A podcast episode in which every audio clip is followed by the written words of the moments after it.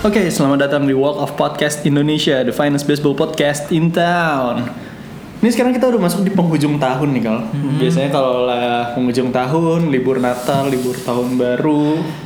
Biasanya kalau libur tahun baru atau libur Natal, kalau pagi suka ada Home Alone. Iya, ada melon. Itu film dari gue zaman SD sampai sekarang nggak pernah berubah. Kalau Kalkinnya imut gitu, lucu sampai sekarang udah nggak jelas, nggak jelas banget.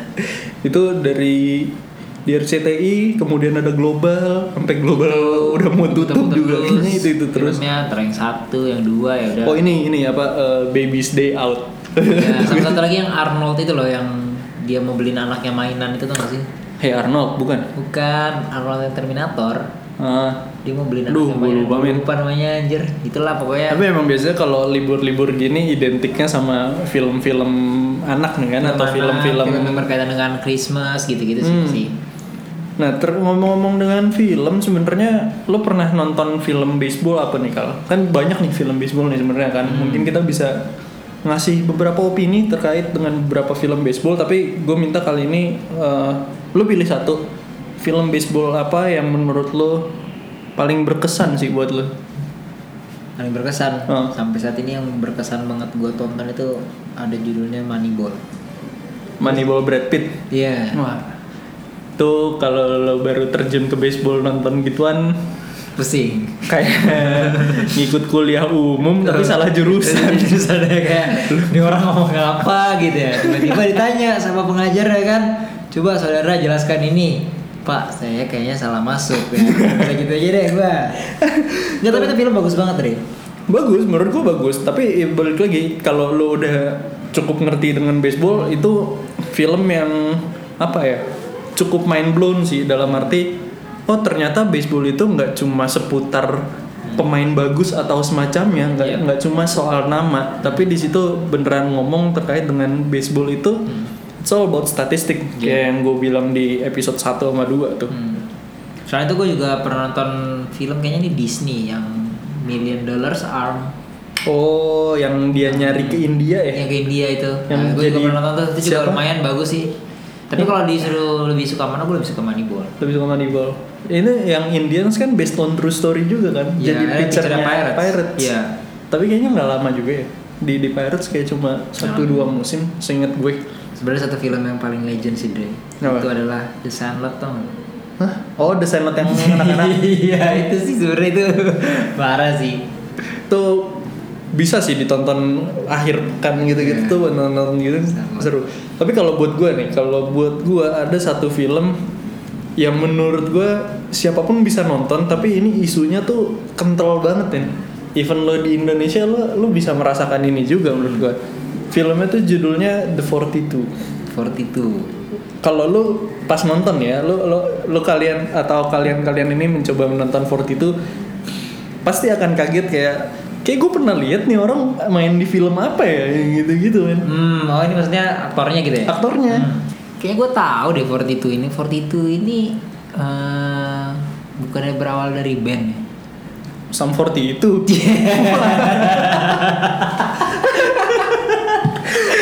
Itu sama 41 ya? Harusnya Sam 40 Kenapa jadi Sam 40 itu? Oke, oke, oke, maksud oke. lo apa tadi? Itu tadi Iya, jokes maksud lu, sama maksud- Oke, balik lagi. beda lah. 42, 42 dalam arti 42 nih berarti ya Dre ya. Hmm. Gue pernah nih kayaknya, gue pernah nonton tapi ketika itu sih memang gue ngerasa filmnya apa ini film berat banget gitu. Pertama kali, jadi gue nonton Hmm. sebenarnya udah dua kali film itu. Gue Oke. juga lumayan suka sih. Salah satu film baseball yang menurut gue mengangkat isu yang sangat-sangat kental banget di zaman itu gitu loh. Nih kalau kalian yang belum tahu, jadi 42 itu atau kalian yang belum pernah nonton, 42 ini adalah sebuah film baseball yang mengangkat tentang isu rasisme pada tahun 1947. Hmm. Tuh kalau kalian tahu nih namanya Jackie Robinson. Hmm. Jadi itu cukup ikonik tuh. Mungkin kalau yang penggemar baseball pasti tahu deh apa itu, siapa itu Jackie Robinson. Jadi dia adalah orang kulit hitam pertama yang main di MLB. Oke, benar. Jadi di tahun itu, tahun 1946, MLB itu timnya ada 16. Hmm. dan in total itu berarti ada kalau satu timnya 25 roster itu ada 400 pemain. Bagus main. Oke. Di tahun 1947 satu orang dari 400 itu akhirnya tidak lagi kulit putih. Oh tadinya 400 Tadinya 400 itu semuanya orang kulit di putih. 1946 itu semua kulit putih. Semua kulit putih. Berarti semua pemain di semua tim kulit putih. Pasti. Oke. Semua pemain di semua tim itu kulit putih. Sampai ada satu tim yang mencoba breakthrough. Hmm. Dia ngesign satu pemain yang kulit hitam pada waktu itu. Hmm, sebenarnya isunya kenapa tuh Drake? Di zaman itu nggak boleh gitu ya? Nah, di zaman itu di USA itu lagi apa ya? Ada yang namanya segregasi waktu itu Oh, kalau iya. ya segregasi itu pem- pemisahan antara kulit putih sama kulit berwarna. Hmm. Jadi nggak cuma kulit hitam, kulit berwarna waktu itu. Hispanik juga kena berarti itu? Kena. Kena ya? Kena. Oke. Jadi dulu tuh ada kalau lo pernah tahu mungkin lo bisa search juga ada yang namanya Jim Crow laws. Hmm. Jim Crow laws atau apa namanya? Ya peraturan Jim Crow deh. Dia adalah se- sekumpulan dari statuta per daerah gitu yang melegalkan sebuah uh, racial segregation. Hmm. Dan ini menurut gue parah banget dalam arti fasilitas orang kulit putih sama orang kulit hitam itu harus dibedain. Hmm. Even cuma masalah toilet Oh, ini gue tahu nih kalau yang ini nih ya. atau dengar uh, sekolah sekolah kulit putih sama kulit hitam itu harus dibedain dan beberapa orang kulit hitam yang mencoba stand up untuk melawan hukum ini akhirnya yang terjadi adalah kekerasan kemudian ya meninggal Hmm. Jadi itu berlangsung cukup lama pada waktu itu sampai akhirnya gue lupa tepatnya kalau di Amerika secara keseluruhan itu hilangnya tahun berapa gue nggak tahu tapi maksud gue sampai sekarang pun lo kalau ke US ke daerah-daerah tertentu lo nggak bisa ngomong n word dengan Hmm, ya. kayak gitu maksud lo itu Nah semudah itu loh. Membekas. Iya.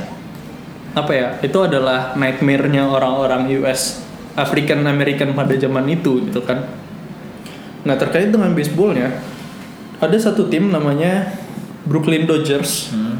dia nge-hire satu player si Jackie Robinson ini yang pada saat itu adalah orang kulit hitam pertama yang masuk di USA eh kok masuk di USA Di Major League. yang masuk di Major League dan itu sesuai dengan apa ya namanya sesuai dengan yang kita prediksikan akan terjadi sangat banyak konflik pada saat itu Hmm. Oke, berarti sebenarnya filmnya ini tuh membahas true story dan biografinya Jackie Robinson gitu ya? ya secara menarik dalam arti gue biasanya nonton film biografi tuh kayak eh ya udah film biografi dokumenter bla bla bla. Tapi menurut gue film ini ya cukup menarik dan cukup seru untuk ditonton dan nggak ngabisin waktu lo gitu loh. Lo nggak berasa film itu 2 jam 20 menit seingat gue dan yang menurut gue menarik lagi castingnya Oh, pemainnya men KSM. setelah film Marvel yang satu itu keluar tuh 2017-an Ya. Black Panther. Black Panther. Pas gue nonton, kayaknya gue pernah lihat nih orang di mana deh. Jadi calanya. Iya, Oh. King T'Challa. Cala. Oke, pernah lihat. gue nih, pernah lihat nih? yang di mana. Ternyata pas gue nonton 42 lagi, anjir ini orang yang sama. Oh, ternyata yang main Chadwick yang- Boseman. Yang, menjadi Jackie Robinson di film 42 ini Chadwick Boseman. Parah. Oh. Dan satu hal lagi yang gue baru ngeh itu siapa? Yang jadi general manajernya si Brooklyn Dodgers. Hmm. Ternyata yang jadi general manajernya adalah Han Solo. Oh, anjir. Dan di awal gue nggak pernah ngeh kalau dia adalah Han Solo atau Harrison Ford. Hmm. Gue kayak oh ya udah, ini siapa sih dia? Ini. Entah pas gue telusurin lagi, gue tonton eh, kedua, ketiga kali. Anjir ini Han Solo men. Hmm. Ternyata jadi- jadi bukan Indonesia. orang asing buat gue. gue pernah lihat dia di mana-mana. Jadi gitu. ya teman-teman yang denger mungkin bisa membayangkan lah gimana aktingnya Harrison Ford kan. Di sini benar-benar ya dapat banget Parah. gitu parah kan ya. Parah. Udah gak perlu diragukan lagi Harrison Ford Parah. jadi general manajernya kan ya. Hmm.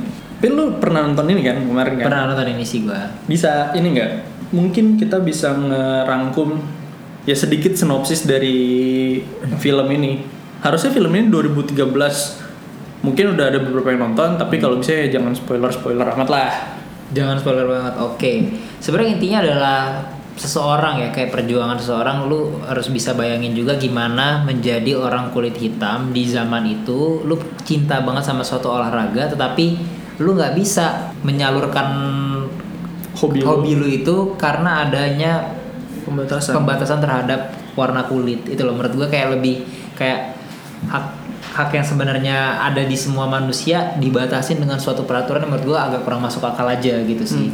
Jadi bahkan kayak yang gue tonton itu digambarkan gimana sebenarnya orang-orang kulit hitam pada zaman itu boleh olahraga tapi terpisah ya gitu loh. Lu nggak boleh masuk olahraga baseball yang gua kelola gitu. Jadi lu Yeah. lu harus olahraga baseball ya udah versi lu aja. Nah, sementara yang punya penonton yang menghasilkan revenue yang benar-benar layak lah gitu ya, benar-benar besar menguntungkan ya baseballnya orang-orang kulit hitam, eh kulit Hmm. putih pada waktu itu gitu loh. Gua ngeliat sih seperti seperti itu. Nah ini fun fact sebenarnya Kal. Jadi di US pada tahun itu di tahun 1920-an sampai eh, 1940-an MLB udah ada kan waktu itu kan. Tapi ada juga yang namanya Negro League.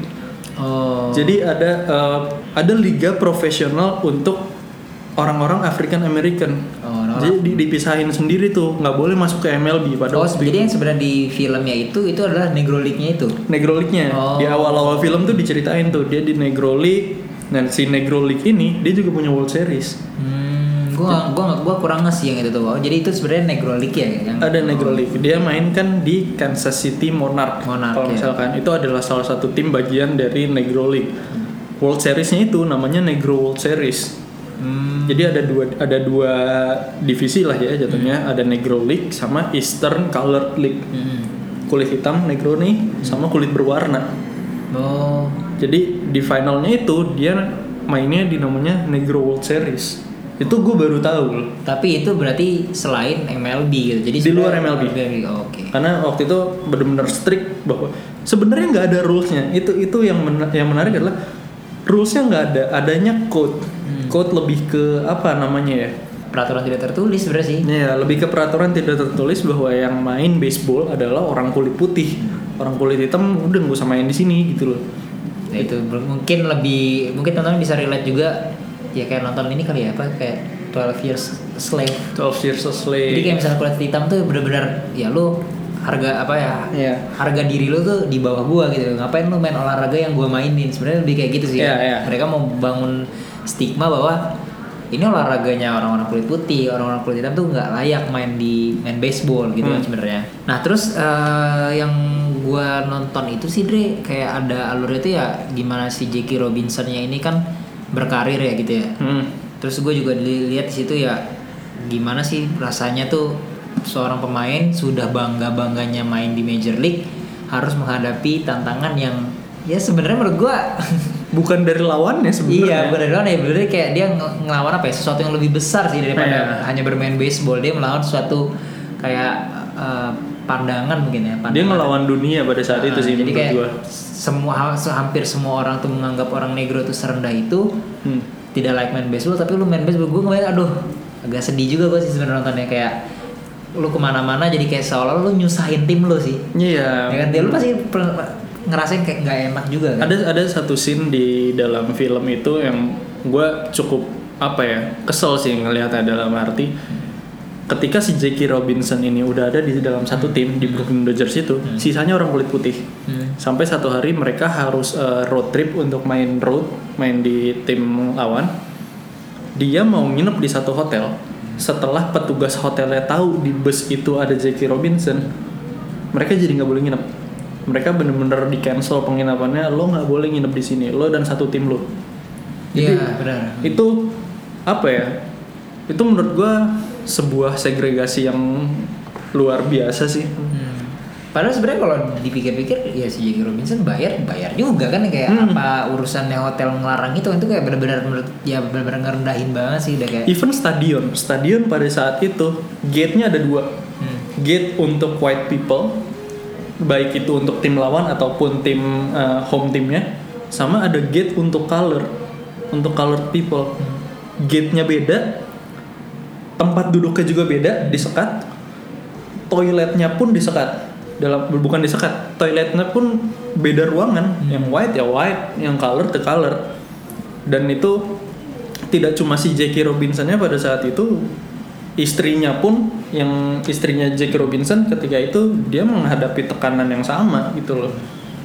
Jadi yang dihujat tidak hanya si playernya tapi keluarganya Keluarga juga, jadi di jadi di- ungkit-ungkit ya, gitu berhubung Jackie Robinson sebagai pemain baseball ya pemain baseball di USA itu kan benar-benar kayak disorot kan. Iya. ya kalau misalnya ternyata pemain baseballnya juga yang tidak ber- tidak sesuai dengan yang selama ini dianut di Amerika ya pasti dong kena imbasnya semuanya Parah. gitu kan. Tapi ngomong-ngomong te- te- tentang film itu mungkin sebagai gambaran buat teman-teman menurut tuh menggambarkan banget gak sih Dre filmnya se, se- apa perjalanan hidupnya Jackie Robinson atau memang cuman memang bener-bener disingkat aja atau gimana sih Terlepas dari film itu merangkum semua kehidupan Jackie Robinson apa enggak, gua nggak tahu pastinya ya. Hmm. Tapi kalau gua nonton film tersebut itu cukup menggambarkan bahwa bagaimana perjuangan Jackie Robinson eh, ngelawan MLB pada saat itu gitu loh. Jadi gimana dia bertahan dari hujatan player lain, dari temennya sendiri tidak diterima di dalam tim. Terus kalau lagi eh, ngelawan musuhnya juga tidak dihujat secara skill tapi dihujat secara nature gitu loh. Maksudnya ya gue terlahir hitam gue nggak bisa ngapa-ngapain Iya. men. Itu udah udah emang kulit gue begini. Lo ngehajarnya ngehajar fisik. Iya. Itu beban mental sih lebih ke beban mental menurut gue tapi sebelum melangkah lebih jauh nih kal buat yang belum tahu siapa itu Jackie Robinson lo bisa ngerangkum nggak nih? Siapa sih sebenarnya orang ini nih? Gini mungkin ini akan berlaku juga sebuah bagi teman-teman yang dengar nih. Setelah nonton film ini hmm?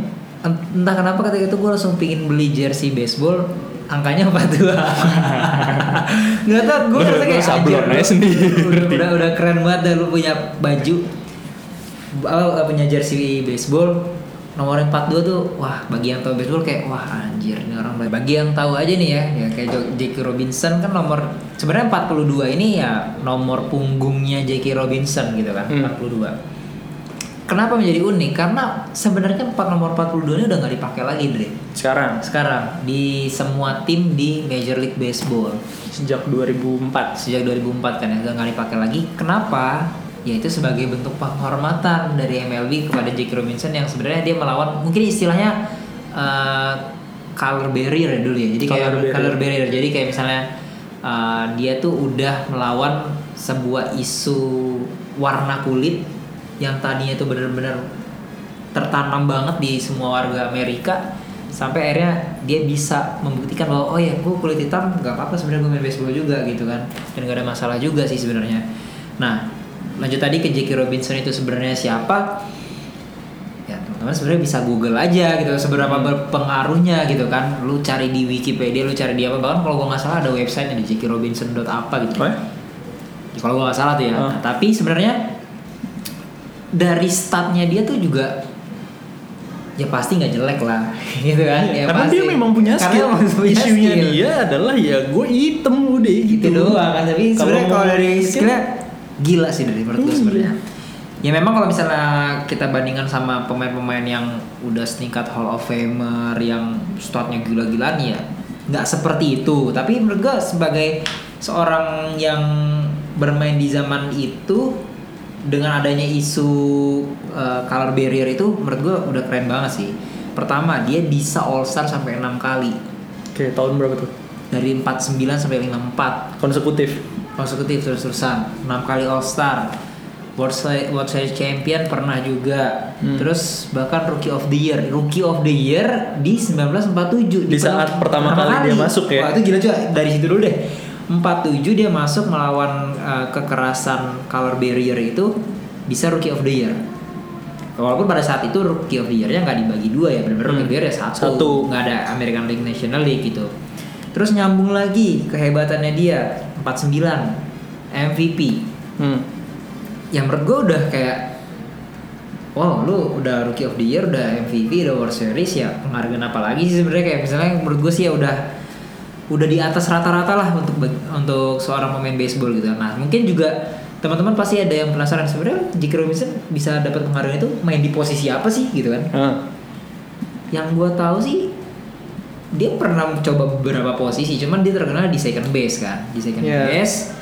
dan memang keahliannya dia itu stealing base juga sih Dre Emang Speed- speedster ya? speedster memang speedster sampai dia juga uh, dua kali stolen base leader Ah. gitu kan kayak ya Kalau di filmnya kalau nggak salah dia mainnya di first base. di first base oke Kalau nggak salah. Tapi gua nggak tahu apakah memang dia pernah main di first base Hmm. waktu itu atau memang dia apa namanya multi position bukan kok multi position sih utility player utility player. Ya, Oke. Bahkan eh, selanjutnya lagi ke balik tadi ke prestasi-prestasinya J.K. Robinson. J.K. Robinson itu siapa? Nah ini yang menurut gua luar biasa banget. Dia satu-satunya pemain yang nomor punggungnya udah dipensiunkan di semua tim di Major League Baseball. Oh biasanya kan tiap tim kan punya nomor Punya yang nomor sendiri, sendiri. ya, karena memang dia legend di tim tersebut Tersebut. gitu kan. Ini enggak ini satu Satu MLB. satu MLB semua udah nggak ada lagi yang pakai nomor 42 gitu loh. Itu menurut gua kayak penghormatannya bukan hanya dihormatin satu tim, bahkan ada beberapa pemain yang dia tuh nomor punggungnya, nomor jersinya ya di- Hmm. dipensiunkan di dua tim. Katakan misalnya dia main Ya. di dua tim ya dipensiunkan gitu kan. Tapi ini di semua tim, Dre.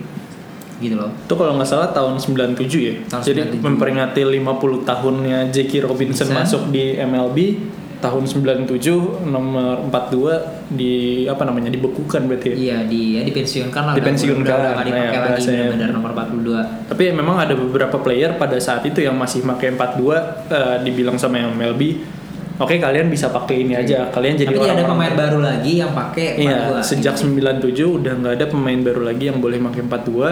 Kalian nih orang-orang terakhir nih yang pakai nomor 42. Oke, berlanjut dari yang tadi nomor jersey-nya dipensiunkan ya, Hmm. sampai dibuatin hari. Ya, J.K. Robinson's. Robinson Day. Nah, di J.K. Robinson's Day inilah para pemain semuanya pakai nomor 42. Nah, jadi gimana tuh? Tuh, lu ada kagak ada kagak ada lagi nih yang pakai ya kan. Tapi ada di satu hari semua tim semua pemain pakai tuh nomor 42. Ya udah nomor lu 42 semua. Parah, itu menurut gua salah satu penghargaan terbesar sih dalam arti dia eh, MLB mau memperlihatkan bahwa MLB itu memiliki kesamarataan terhadap setiap pemain gitu, equity untuk before dulu. Wah, tawan banget anak hukum. itu kalau equity before dulu Itu kan equality memang- ya? Equality kalau ini. Oh, Kalau ini- yang itu kan memang Oh. eh, semua orang dipandang hukum sama gitu kan.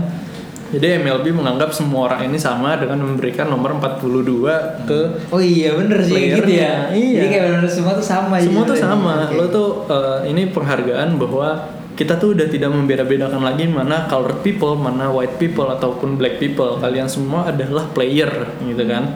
Itu pertama kali di tahun 2004 opening day 2004 tuh 15 April 2004. Ini di film ternyata juga ada, gue baru nggak. Hmm. Jadi ada satu tagline dia bilang si player Dodgers juga, player Brooklyn Dodgers lagi ngomong sama si siapa? Lagi ngomong sama J.K. Robinson. Tapi ini di akhir-akhir film.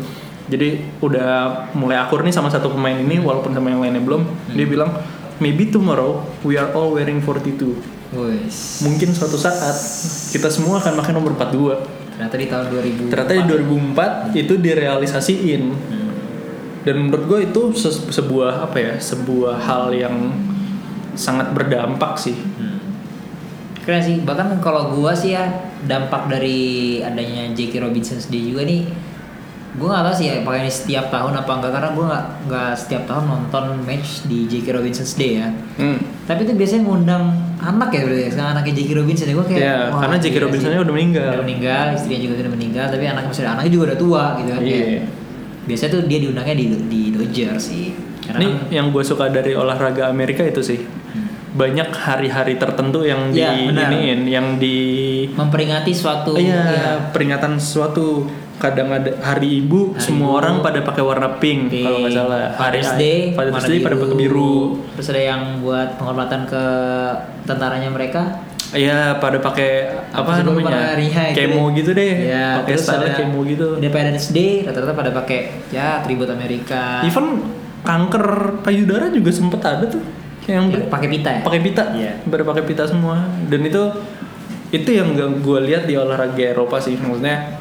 Yang Amerika tuh bener-bener ngelihat bahwa hari-hari ini nih bisa kita masukin ke dalam Hmm. uh, game gitu walau uh, menurut gue salah satu faktornya adalah karena MLB main 162 hari. Oh iya benar. Kalau bola kan main tiap minggu. Tiap minggu. Nggak nggak ada kepastian kalau minggu depan itu Father's Day, minggu depannya lagi Mother's Day dan sebagainya. Kalau MLB dalam 162 game pasti banyak nih hari-hari yang dilewatin gitu. Tapi kalau menurut gue nih kal, walaupun orang-orang bilang uh, Jackie Robinson adalah pahlawan kesetaraan ya, bisa dibilang pahlawan nasional gitu kan, pahlawan kesetaraan antar umat manusia yang karena kulitnya beda-beda orang yang punya ide untuk ngebawa Jackie Robinson masuk ke MLB Hmm. itu punya jasa yang lebih penting. Iya sih. Ya inisiatifnya sebenarnya di dia juga Parah. gitu nah. Itu Branch Rickey kan, si general manajernya Brooklyn Dodgers, Yang diperanin sama Harrison Ford tadi. diperanin sama Harrison Ford. Dia di awal punya ide gitu. Jadi opening statement dari film ini dia bilang, gue punya ide, tapi kalau gue lakuin ide ini, semua orang di baseball akan nge-hate gue. Hmm. semua orang akan ngelawan gue tapi nggak apa-apa gue akan lakuin Hmm. dia bilang gue akan bawa seorang negro player untuk main di Brooklyn Dodgers. Hmm. dan saat itu juga semua orang langsung menghujat dia. Hmm. tapi dia tahan gitu loh. Dia dia insist bahwa orang ini bagus orang ini bisa ngebawa Dodgers untuk uh, menang ke depannya. Yang permasalahannya adalah cuma warna kulit. Hmm. tapi ini nggak bisa gini terus gitu loh. Ini ini harus dilawan. Dan akhirnya dia insist untuk nge-hire uh, Jackie Robinson dan akhirnya sampai hari ini Hmm. tapi yang diangkat adalah namanya Jackie Robinsonnya Hmm. bukan si uh, general manajernya gitu. tapi menurut gua si general manager harusnya juga diberikan kredit lah Hmm. terkait dengan isu ini gitu loh Sebenarnya juga kalau di Jackie Robinson kan mainnya di National League ya, Dik. Hmm. Kalau misalnya di American League itu kan ada si Larry Doby ya. Oh iya, Ya, itu pemain kedua MLB kan Iya, yang kulit hitam. kulit hitam. Walaupun masuknya di tahun yang sama. Nah, dia main di Cleveland ya. Iya. Sebenarnya sama juga sama sama-sama sih kalau berdasarkan ini riwayatnya sih eh, sama Jackie Robinson sama Larry Doby sama-sama udah jadi Hall of Famer sih. Ya, Udah. salah satunya berdasarkan isu yang mereka udah berhasil pecahkan itu tadi. Oke, karena semua eh, jasa-jasanya Jackie Robinson itu dari Hmm. akhirnya tuh di tahun 62 itu akhirnya dia dinobatkan lah masuk ke jajaran para apa nih kita bilangnya Hall Hall of Famer. Lah orang-orang yang benar-benar sudah dianggap ya Tahun berapa? 62. ya? 62. 62 Berarti cepet ya dalam dalam arti dia baru kelar season dia baru retire nggak lama langsung naik jadi Hall of Famer ya. Nah, itu dia. Itu juga mungkin sedikit perlu kita sampaikan. Jadi Jackie Robinson ini main di MLB itu juga nggak yang sampai 20 tahun, 25 tahun. Dia cuma main dari tahun 46, 46 ya, 46, Ah, 46, 46, 46 mungkin dia main- mainnya masih di Negro League ya. Masih. Terus 47 masuk di 56, 1956 tuh akhirnya dia ret- retire. Berarti kurang lebih cuma 9 tahunan ya. 9 sampai Sekitar 10 tahun ya. sekitar 10 tahun.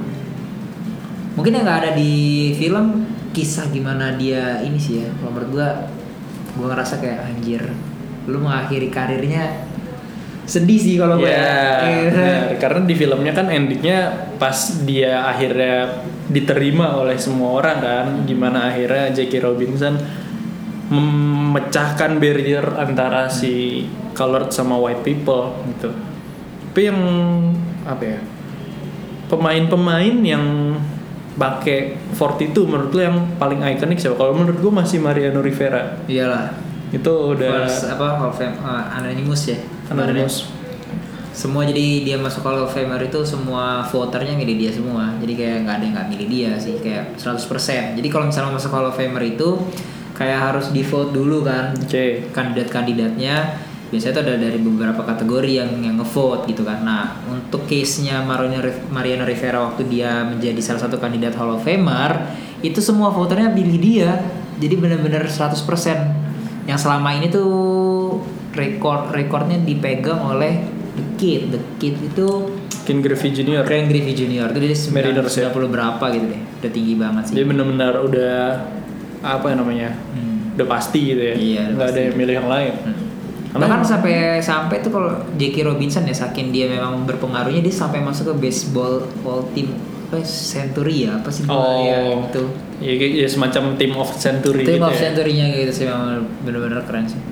tapi cocok sih menurut gua eh, si siapa mau tuh nama panjangnya Mariano Rivera dia dapat penghargaan itu dan jadi Hall of Famer menurut gua sejalan dengan karir dia sepanjang ini di Yankees. Dan bener-bener dia bisa membawa nomor punggung 42, gitu loh. Bisa memenuhi ekspektasi itu sih. Bahkan dan dia orang hitam juga. Iya dan bahkan ketika dia retired itu ada pesannya juga dari anaknya Jackie Robinson gitu. Gue kayak gila keren banget pak. Itu pensiun 2013 ya terakhir. 13-an lah kalau nggak salah. 13 tuh sampai ada penghargaan yang ini ada Andy Pettit sama Jeter datang ke Mound kan Mound, yang game terakhir dia. itu nomor 42 jadi Mariano Rivera itu orang terakhir sih ya pemain terakhir pemain yang terakhir nomor yang pakai 42 42.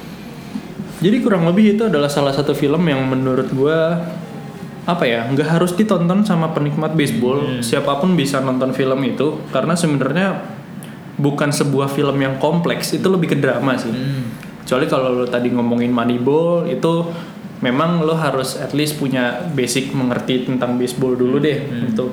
Tapi ada juga film-film lain yang tentang baseball apalagi ya ada Trouble with the Curve The Sandlot mungkin tuh cukup Sandlot. ikonik. Itu bisa ditonton juga di akhir pekan sama keluarga. Richie Rich? Emang Richie Rich kan non baseballnya Iya, tapi kan bukan itu intinya. Kan baseball juga. Ini ceritanya tentang cerita baseball. Kalau. Richie Rich kan ini OKB Oh, oke Dre terakhir sebelum kita tutup nih. Hmm. pasti kalau orang nanya oh bang lu rekomenin film ini? Hmm. berapa sih ratingnya kalau misalnya dari yang Oh. ini deh dari media-media dulu deh yang lu tahu tuh berapa? Tinggi nggak? Media film yang gue tahu bukan gue tahu yang gue jadiin patokan sebenarnya kalau mau nonton film ada dua Rotten Tomatoes sama IMDb. Rotten Tomatoes berapa ngasihnya? Rotten Tomatoes dari 100% dia di angka 80% itu udah tinggi? Yang biasanya Rotten Tomatoes kalau ngasih apa namanya kalau ngasih rating tuh suka jelek gitu loh hmm. dan dia bisa berhasil dapat 80% di situ menurut gue sesuatu yang wah sih intinya Rotten Tomatoes itu benar-benar seobjektif itu ngasih Ya. rating dan dia ngasih film biografi baseball Ya. 80% ya 80%. oke dari 100 Dari oke 100. IMDb IMDb di angka tujuh setengah 7,5 dari dari 10 10 ya udah bagus juga Tuh, sih sebenarnya Iya, biasanya gue nonton IMDb kalau 6 ke atas 6 ke atas tuh menurut gue udah udah cukup layak nonton deh. Hmm. Tapi nggak tahu nih kalau dari kalian-kalian podcaster lain atau opini-opini kalian Hmm. eh, tentang film yang lebih mengerti film bisa ngasih opini juga itu bisa kita diskusikan lah di kolom komen. Nah kalau lo sendiri, lo kasih berapa dari per 10? 1 sampai 10 8 setengah bisa 9 9 ya 8 setengah deh. 8 setengah. Gue 8 setengah di film Film ini. masih gue juga 8 setengah ngasihnya. Tapi apa, apa gunanya lu nanya kalau sama? ya gue pikir ada ada 8 setengah. Gue sama gue juga 8 dong. setengah. Karena gue mikir juga eh, untuk film yang biografi gini nggak semua orang sih suka ya dan nggak semua orang suka baseball gitu loh. Hmm. Jadi ada orang mungkin yang bisa nonton kayak oh ini bio- biografi doang gitu. Oh ini film mengisahkan tentang apa seorang gimana caranya dia bisa uh, nge-break color barrier itu kan. Hmm. Tapi di satu sisi juga pasti orang-orang yang suka baseball mau tahu sejarah itu lebih relate lah menurut gua. Iya, Dia bakal akan bisa- lebih ngena sih. Akan lebih ngena gitu. Jadi nggak menutup kemungkinan juga orang di IMDb ngasih 7,5 ya dia suka baseball apa enggak Ya, kita nggak tahu juga sebenarnya Iya. kan jadi Tapi ada, gua ada obje- sisi objektif lah. ada sisi itunya juga Iya. gitu nggak, nggak- pasti semua orang bisa sama kan persepsinya gitu sih kalau menurut gua ya teman-teman juga bisa ngeliat lah nonton sendiri aja lah ya menurut gua nanti Iya. bisa nilai sih ya Worth it sih 2 jam 20 menit kalian. 2 jam 20 menit bisa tahu salah satu